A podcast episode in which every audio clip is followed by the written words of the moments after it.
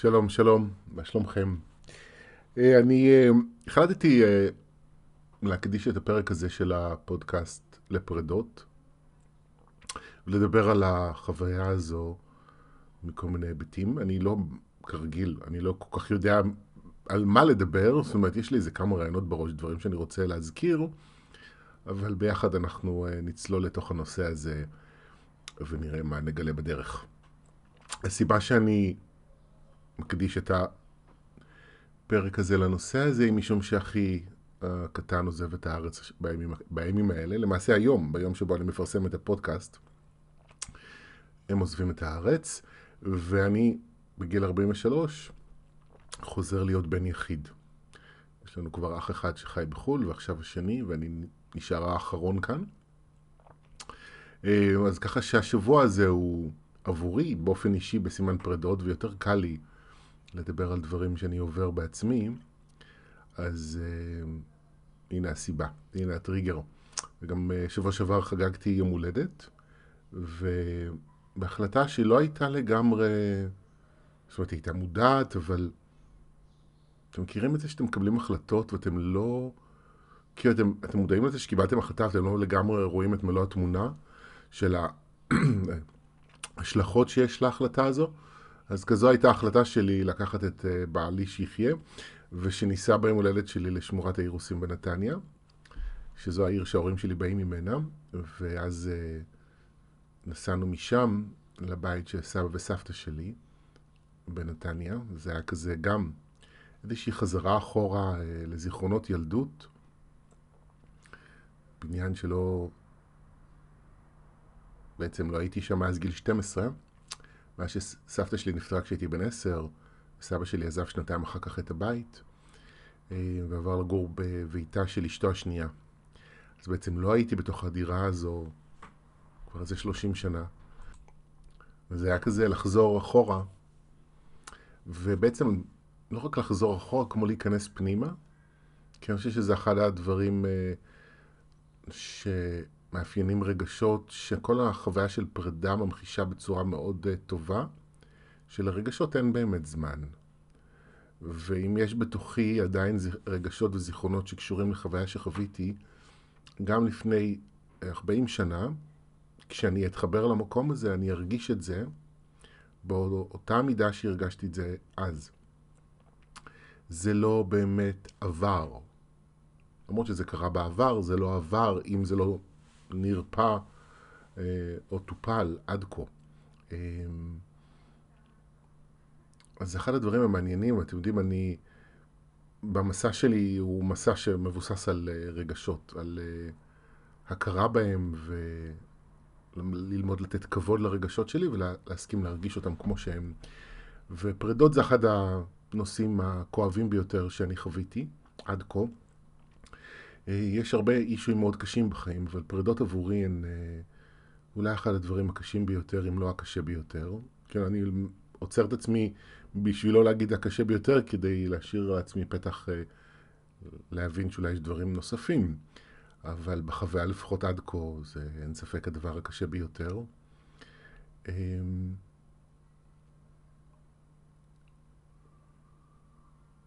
הנה, נפרדתי מהמילים שלי, אני אפילו לא יודע מה להגיד על זה. על החוויה הזו. אבל אולי זה באמת העניין עם פרדות, לא? שאין לנו הרבה מה להגיד. וזה מין מצב כזה שצריך להיות בו, כי אין הרבה מה לעשות. אנחנו נפרדים מהרגע שאנחנו יוצאים מהרחם, זו הפרידה הראשונה, ומאותו רגע והלאה בעצם, עד שאנחנו מתים, זה תהליך אחד ארוך וממושך, של פרדות. אמנם תהליך התפתחות הרבה מאוד מהזמן, אבל גם כשאני מתפתח אני תמיד נפרד. אם אני נפרד מהרחם, ואני נפרד אחר כך מה, מההורים והולך למטפלת או אה, לגננת, ואז אני נפרד מהגן אה, ועובר לבית ספר, ונפרד מחברים שעברו לעיר אחרת, וכן הלאה וכן הלאה. אנחנו כל הזמן, כל הזמן, כל הזמן נפרדים בשינויים שאנחנו עוברים. ופרידה היא חוויה מאוד קשה לפעמים. יש פרידות שהן מאוד טבעיות. אנחנו נגיד להירדם זה להיפרד בעצם. והרבה מהזמן, עבורי לפחות, להירדם זה יחסית קל. אבל אני יודע שלפעמים לאנשים מאוד קשה ללכת לישון, לא משנה באיזה גיל הם, ולפעמים הקושי הזה פשוט נובע מהקושי להיפרד ולהרפות למציאות חדשה ולהרפות ממה שהיה. אז אנחנו כל הזמן נפרדים, ויש פרדות עדינות שאנחנו אפילו שמחים עליהן, והן לא אה, מעלות איתן איזשהו עצב. אמ, אבל כמובן שיש את הפרדות הדרמטיות של אנשים שהולכים לעולמם, שהן פרידות מאוד מאוד כואבות והן מאוד ברורות, כאילו הן בקצה השני של הסקאלה. הרבה מהפרידות הן בין לבין, הן בין הקצה הזה של פרידות שאנחנו שמחים בהן, לבין פרידות שאנחנו יכולים לכאוב אותן הרבה שנים אחר כך. רוב הפרידות נמצאות איפשהו באמצע. ואני חושב שהדבר החשוב ביותר שאני רוצה להגיד, אה, הוא שאנחנו צריכים לכבד את. הרגשות שלנו בהקשר הזה, את הקצב שבו אנחנו מסתגלים לחדש. השבוע הייתה אצלי בפגישת תקשור אישה בתחילת שנות ה-60 לחייה, שבעלה נפטר לפני בערך חודשיים. הוא היה בן 65, הוא נפטר די במפתיע, היה משהו לא בסדר עם הריאות, הם הלכו לבית חולים, היא הייתה בטוחה שמטפלים בו והם יוצאים הביתה, והוא נפטר במהלך הפרוצדורה שעשו לו. והיא באופן טבעי, היא הייתה אה, במצב של הלם. ככה אני ראיתי אותה. פשוט נראתה בהלם ממה שקרה. והיא סיפרה לי שאנשים אומרים לה שטוב, כבר צריכה לחזור לעצמך ולהמשיך הלאה, ולהתגבר על הדברים. ואני אמרתי לה, איך אפשר? אחרי חודשיים מדבר כזה. שזה, קודם כל יש את ההלם, כי אני חושב שיש אה, יתרון למישהו שנפטר מהר, במובן הזה שאין איזשהו תהליך של. התמודדות עם מחלה וסבל שצריכים לעבור גם האדם עצמו וגם מי שמלווה אותו. אבל מצד שני יש אחר כך את ה... להתמודד עם ההלם, שהוא סיפור בפני עצמו. והיא גם אמרה לי שהיא לא מצליחה לבכות בכל התקופה הזו. אמרתי לה, ברור שאת לא מצליחה לבכות, כי את בהלם. רגשית ופיזית, הכל בשוק. מנטלית, הכל בשוק, היא גם נראתה ככה. קודם כל צריך זמן להתאושש מההלם לפני שאפשר להעמיק לתוך הרגשות. ואני מספר את הסיפור הזה כי זה היה אחד הדברים שאני שומע, כי זה התזכורת לאחד הדברים שאני שומע הרבה במהלך החיים, ביחס לכאבי פרידה, שכבר צריך להמשיך הלאה, לא משנה אם זה פרידה בגלל פטירה של מישהו, או פרידה על רקע רומנטי, נגיד שזוג לא רוצים אחד את השני יותר ונפרדים, אז יש איזה הלך רוח כזה בחברה שלנו של צריך להתגבר על זה ולהמשיך הלאה ולחזור לחיים ו... ולצאת שוב לדייטים, או נגיד אם זה בהקשר זוגי רומנטי וכן הלאה וכן הלאה. ולי יש חוויה מאוד, מאוד שונה ביחס לדברים האלה. אמ, אתם יודעים, סבתא שלי נפטרה כשהייתי בן עשר, אני בן 43. מצד אחד אני, כאדם מבוגר מעולם, לא פגשתי אותה, אני, יש לי רק זיכרונות שלה כילד. ואני לא יודע איזה חיבור היה לנו אם היא הייתה נשארת בחיים היום. אמ, אבל אנחנו היינו מאוד מאוד מאוד קרובים כשהייתי ילד, והיא הייתה דמות מאוד משמעותית בחיים שלי, והפטירה שלה היה אירוע מאוד טראומטי, ולי לקח כמה שנים לבכות. היא נפטרה מסרטן, ולקח לי כמה שנים לבכות בכלל על זה שהיא איננה. אני נכנסתי להלם שלקח לי באמת, אני חושב, כמה שנים לצאת ממנו. ואני עדיין במצבי קצה של אה, שבר מאוד עמוק. אני מתגעגע אליה. וזה גם מה שעברתי ביום הולדת שלי. הייתי גם שמח על החיים שלי היום, ועל האנשים שיש בחיים שלי, ועל הטוב ועל האהבה שיש בחיים שלי, אבל גם בו זמנית בו זמנית הייתי עצוב, והתגעגעתי. וכאילו עבר הרבה זמן, ואני אמור כבר לא להרגיש את זה, נכון? ככה אומרים, חלק מהאנשים לפחות. אבל אני לא חושב שזה אפשרי, אני לא חושב שזה אפשרי. יש עדיין געגוע, ותראו, אני אומר את זה גם מהמקום שלי, אתם יודעים, אני מתקשר. היו לי המון שיחות עם סבתא שלי, אחרי פטירתה, אמנם לא בשנים הראשונות, כי הייתי עוד, לא ידעתי אז שאני יכול לתקשר, אז זה לא קרה אחרי שהיא נפטרה, אבל בואו נגיד שאם היא נפטרה כשהייתי בן עשר, אז בשנות ה-20 לחיי, בוודאי בחמש שנים הראשונות, היו לי הרבה שיחות איתה. ו... וגם מאז היו פה ושם. אני יודע שהיא קיימת, שהיא לא הלכה במובן שזה נגמר, אבל כן, הסבתא שלי איננה. אני לא יכול לחבק אותה, אני לא יכול לבוא לבקר אותה. אה, יש עולם שלם של חוויות משותפות ש... שהלכו יחד איתה. אז נכון שהיא לא באמת מתה, אבל היא גם לא באמת פה, בהתגלמות הספציפית הזו. כך שאומנם זה לא באמת הסוף המוחלט, כמו שאנשים שלא מאמינים בשום דבר חושבים שקורה, אבל זה גם לא... כן, הכל ממשיך, זה פשוט שינוי צורה. אני שומע גם אנשים כאלה לפעמים מדברים, זה בסך הכל שינוי צורה, אתה לא באמת מת, ואני כאילו, אוקיי, בסדר, שמענו, מה זה לא באמת מת? נכון, לא באמת מת, ובכל זאת מת. בכל זאת דברים מסוימים נגמרו. ואי אפשר אה, לזלזל בזה או לבטל את זה. זאת אומרת, אפשר, כמובן, אנשים עושים את זה כל הזמן, אבל חבל, כי אנחנו מתייחסים לא יפה לעצמנו ולרגשות שלנו בדרך הזו. כי יש פרידה והיא פרידה משמעותית, ולכל אחד יש את ה... גם את הדרך שלו להתמודד עם זה, גם את הקצב, אבל אני חושב שהמכנה המשותף הוא שאצל כולנו, קצב הריפוי וההחלמה של הרגשות שלנו הוא תמיד אה, יותר איטי מכפי שהיינו רוצים, תמיד שינוי עוד יותר איטי משהיינו רוצים, ואין לנו לאן למהר. גם אי אפשר, צריך לכבד את זה, ואני יודע שמדי פעם זה אמנם התדירות שבה אני מוצא את עצמי מתגעגע לסבתא שלי ירדה, והנסיבות שמביאות אותי לעומק, לעומק, לעומק של הכאב הזה הן שונות מבעבר. צריכות להיות נסיבות מאוד מאוד מיוחדות. בשביל שאני אתחבר שוב עם הרגש הזה, ולא בגלל שאני יותר אה, מודחק או מנותק מעצמי, אלא בגלל שהרבה התרפא כבר. אבל עדיין, עדיין זה כואב, עדיין זה קשה במצבים מסוימים. אמ, ואתם יודעים מה? גם אותו דבר על עניין רומנטי. שאני חושב שעל אה, עניינים של פרידות רומנטיות יש, אה, אמ, ביחס לזה יש פחות סבלנות מאשר אה, על פרידות שקשורות לפטירה של מישהו. וגם שם יש לי חוויה הפוכה והסתכלות הפוכה מזו המקובלת.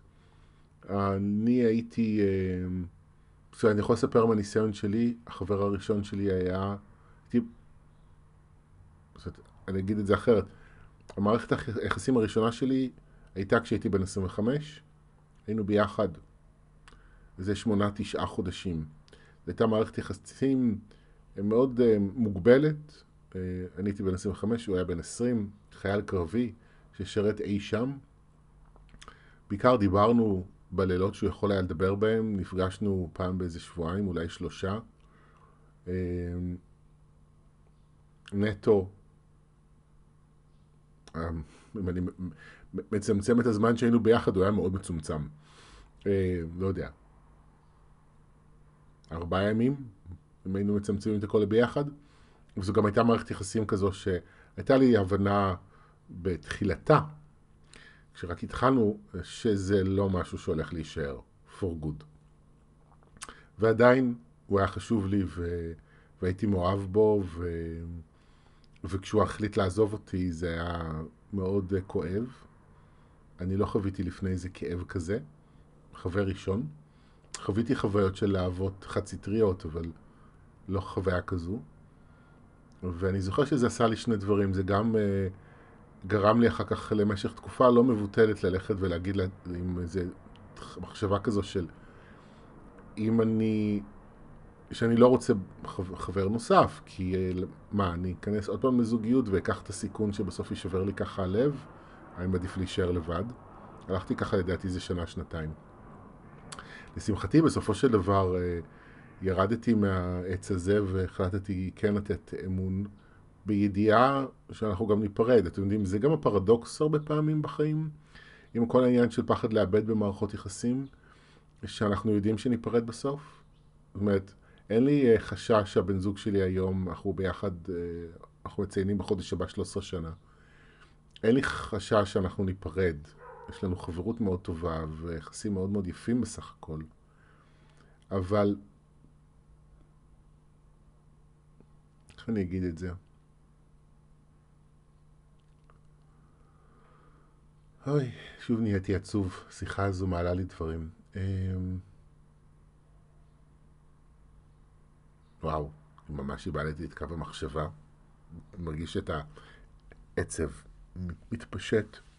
אמ, אבל גם, אני יודע מה רציתי להגיד, שגם בתוך הזוגיות שאני נמצא בה היום, שאין לי פחד לאבד אותו בגלל שהוא לא ירצה אותי, יש בתוך תוכי את הידיעה שיום אחד, גם אם נחיה הרבה שנים ביחד, אנחנו יום אחד נצטרך להיפרד. מישהו כנראה ילך קודם, אלא אם כן יהיה איזה נס ושנינו נעזוב את העולם הזה ביחד.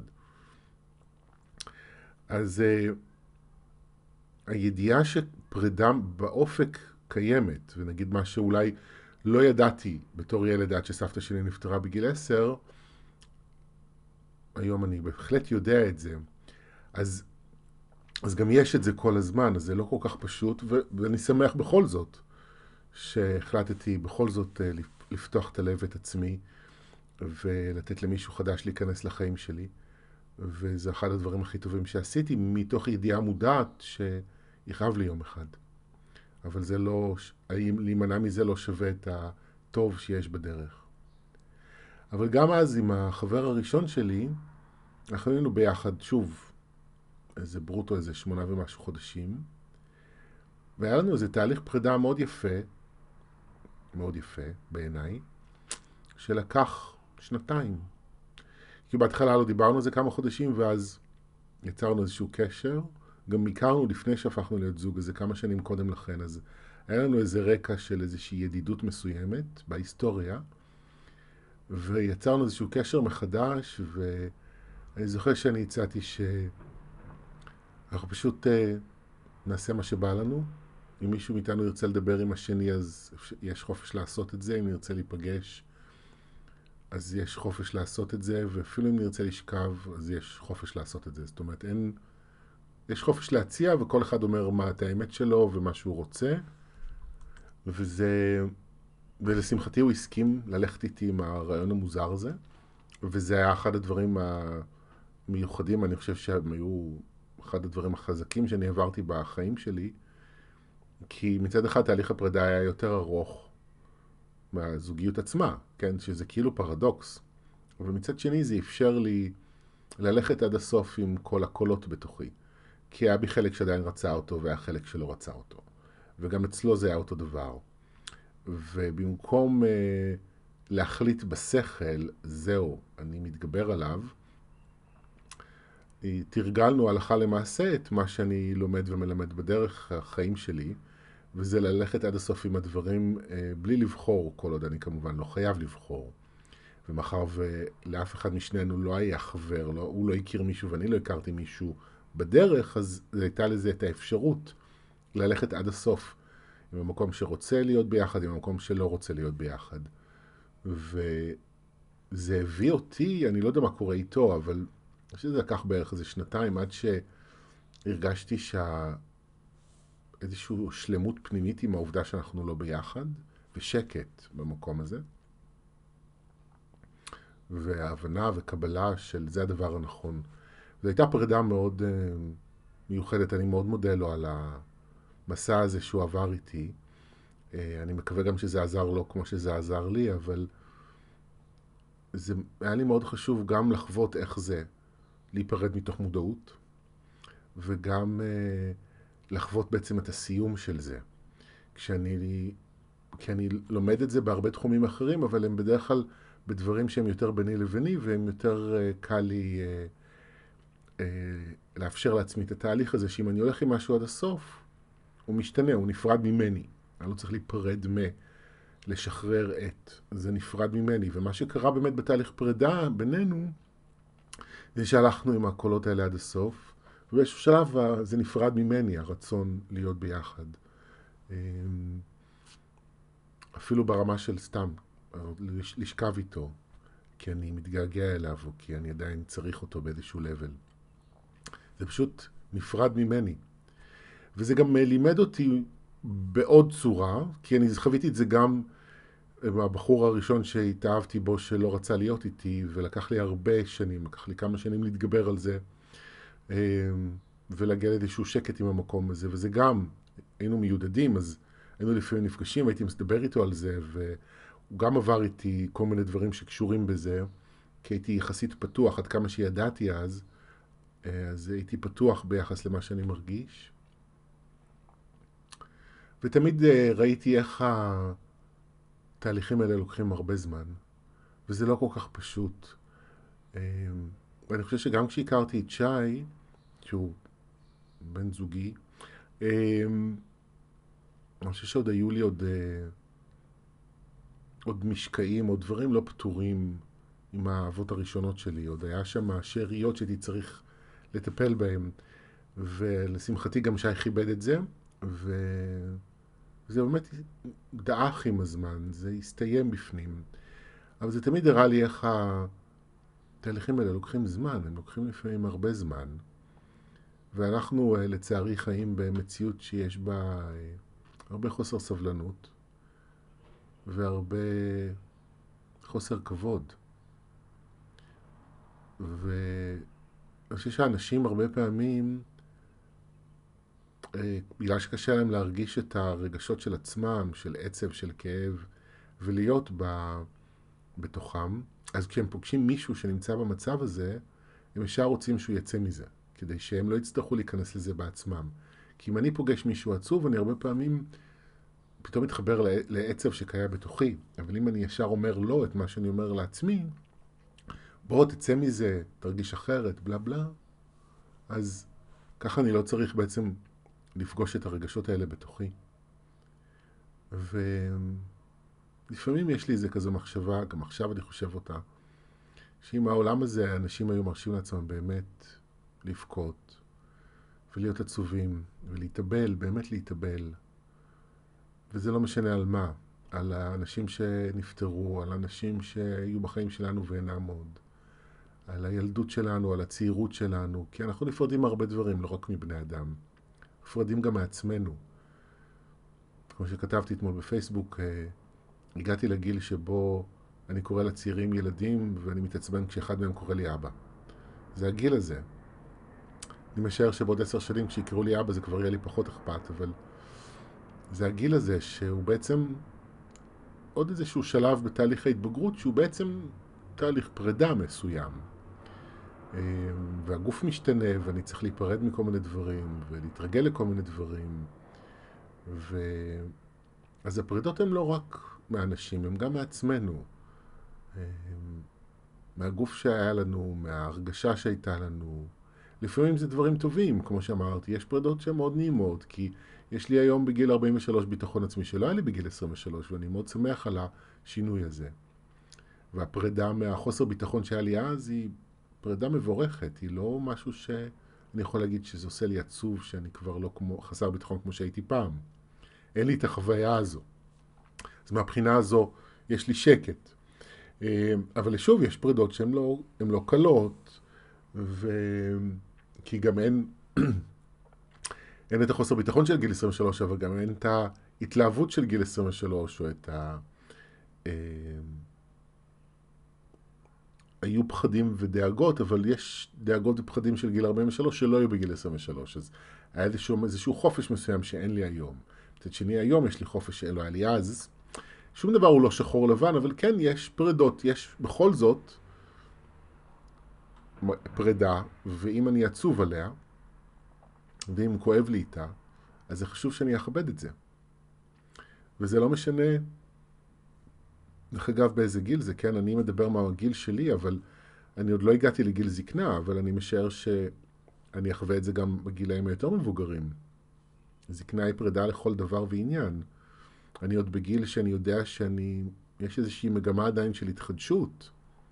יש איזשהו שלב בחיים שאתה יודע כבר שאתה לא במגמה של התחדשות, אלא של ליהנות מהקיים, אבל בידיעה שהפרידה מהעולם מתקרבת. אז זה גם פרידה מאוד משמעותית. אמ, כמובן, אולי המשמעותית ביותר. לא אולי.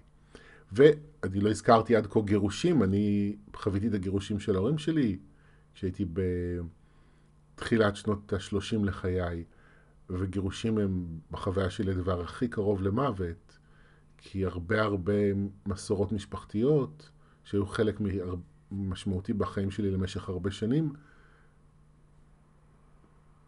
הסתיימו. אמ, אז יש קושי לחוות גירושים של הורים כשאתה בן ארבע, אבל יש קושי אחר שאתה חווה אותו כשאתה בן שלושים. וזה פתאום המון המון שנים של הרגלים מסוימים שפתאום מסתיימים, וזה היה לי מאוד מאוד כואב. לקח לי כמה שנים טובות מהגירושים עד שאני יכולתי להגיע לאיזשהו שקט בפנים. באמת, כמה שנים, הרבה שנים.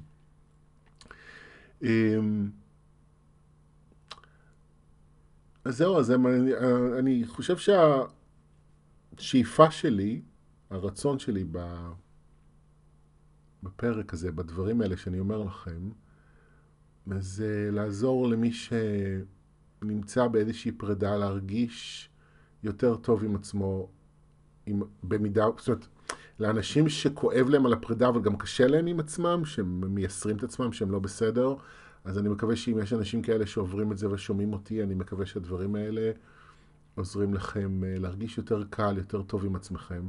לא במובן שזה מסלק את העצב, אלא שהדברים שאני אומר אה, מזכירים לכם שמותר לנו להתאבל, וגם אם זה לוקח המון זמן, ואין לאן לרוץ. אני חושב שאחד הפחדים הגדולים שיש לנו כבני אדם מרגשות, הוא שאם אני ארגיש את זה ואשאר בזה, זה לא יעבור לעולם.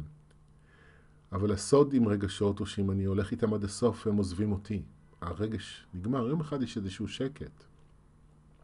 דווקא בפרידות רומנטיות זה הרבה פעמים קורה באופן ספונטני. בדרך כלל זו פרידה שהיא כל כך כואבת, שאנחנו לא מצליחים לעשות משהו כדי לצאת מזה. יש איזו כניעה ספונטנית שמתרחשת. אבל אם אני מרשה לעצמי, וזה רוב האנשים כבר חוו, פתאום אתה קם בבוקר, אפילו אם אתה לא עושה עבודת מודעות. באיזשהו שלב הכאב מתחיל להתמעט ואתה קם בבוקר ואתה מרגיש כבר יותר טוב, יש איזושהי הקלה מסוימת. כי זה נוצר שם איזשהו תהליך ספונטני של התמסרות עד שזה מוביל לשינוי. ואני רוצה להגיד שזה קורה תמיד. פשוט במצבים אחרים שהם פחות, הרגש הוא, הוא פחות אה, אה, עוצמתי, אז יכול להיות לי יותר מאבק פנימי האם להיות בזה או לא להיות בזה. אז אם אתם נמצאים בתוך מאבק כזה, אני רוצה להזכיר לכם את האמת שקל לשכוח, אה, זה רגשות מסתיימים מעצמם אם אני הולך איתם עד הסוף. אז גם אם זה רגשות מאוד מאוד כואבים, תרשו לעצמכם, ומאוד חשוב לבקש עזרה ותמיכה, ולא להעמיד פנים שאנחנו חזקים ויכולים הכל.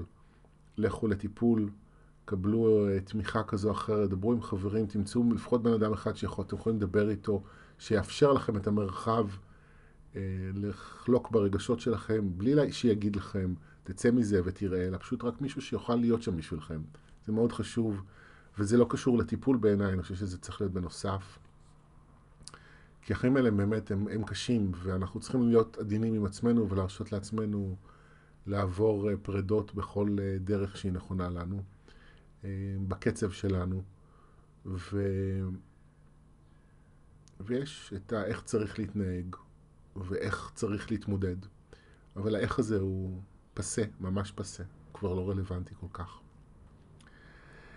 זהו, אז אה, אני חושב שאלה הדברים שלי. אני, אה, כשהתחלתי, לפני שהקלטתי את הפרק, חשבתי על זה שכשאני חבר בפייסבוק של הרבה אנשים, וכמעט יש איזה כמה פעמים בשבוע, לא יודע אם כל יום, אבל כמה פעמים בשבוע אני רואה מישהו שמספר שמישהו קרוב אליו נפטר. החיים הם באמת, פרידה היא חלק מהחיים, אנחנו צריכים ללמוד לכבד את עצמנו אה, בהתמודדות שלנו עם המצבים הללו. זהו, אני מקווה שעזרתי, אני מקווה שנהיה יותר עדינים עם עצמנו, ותודה שהאזנתם. ביי ביי.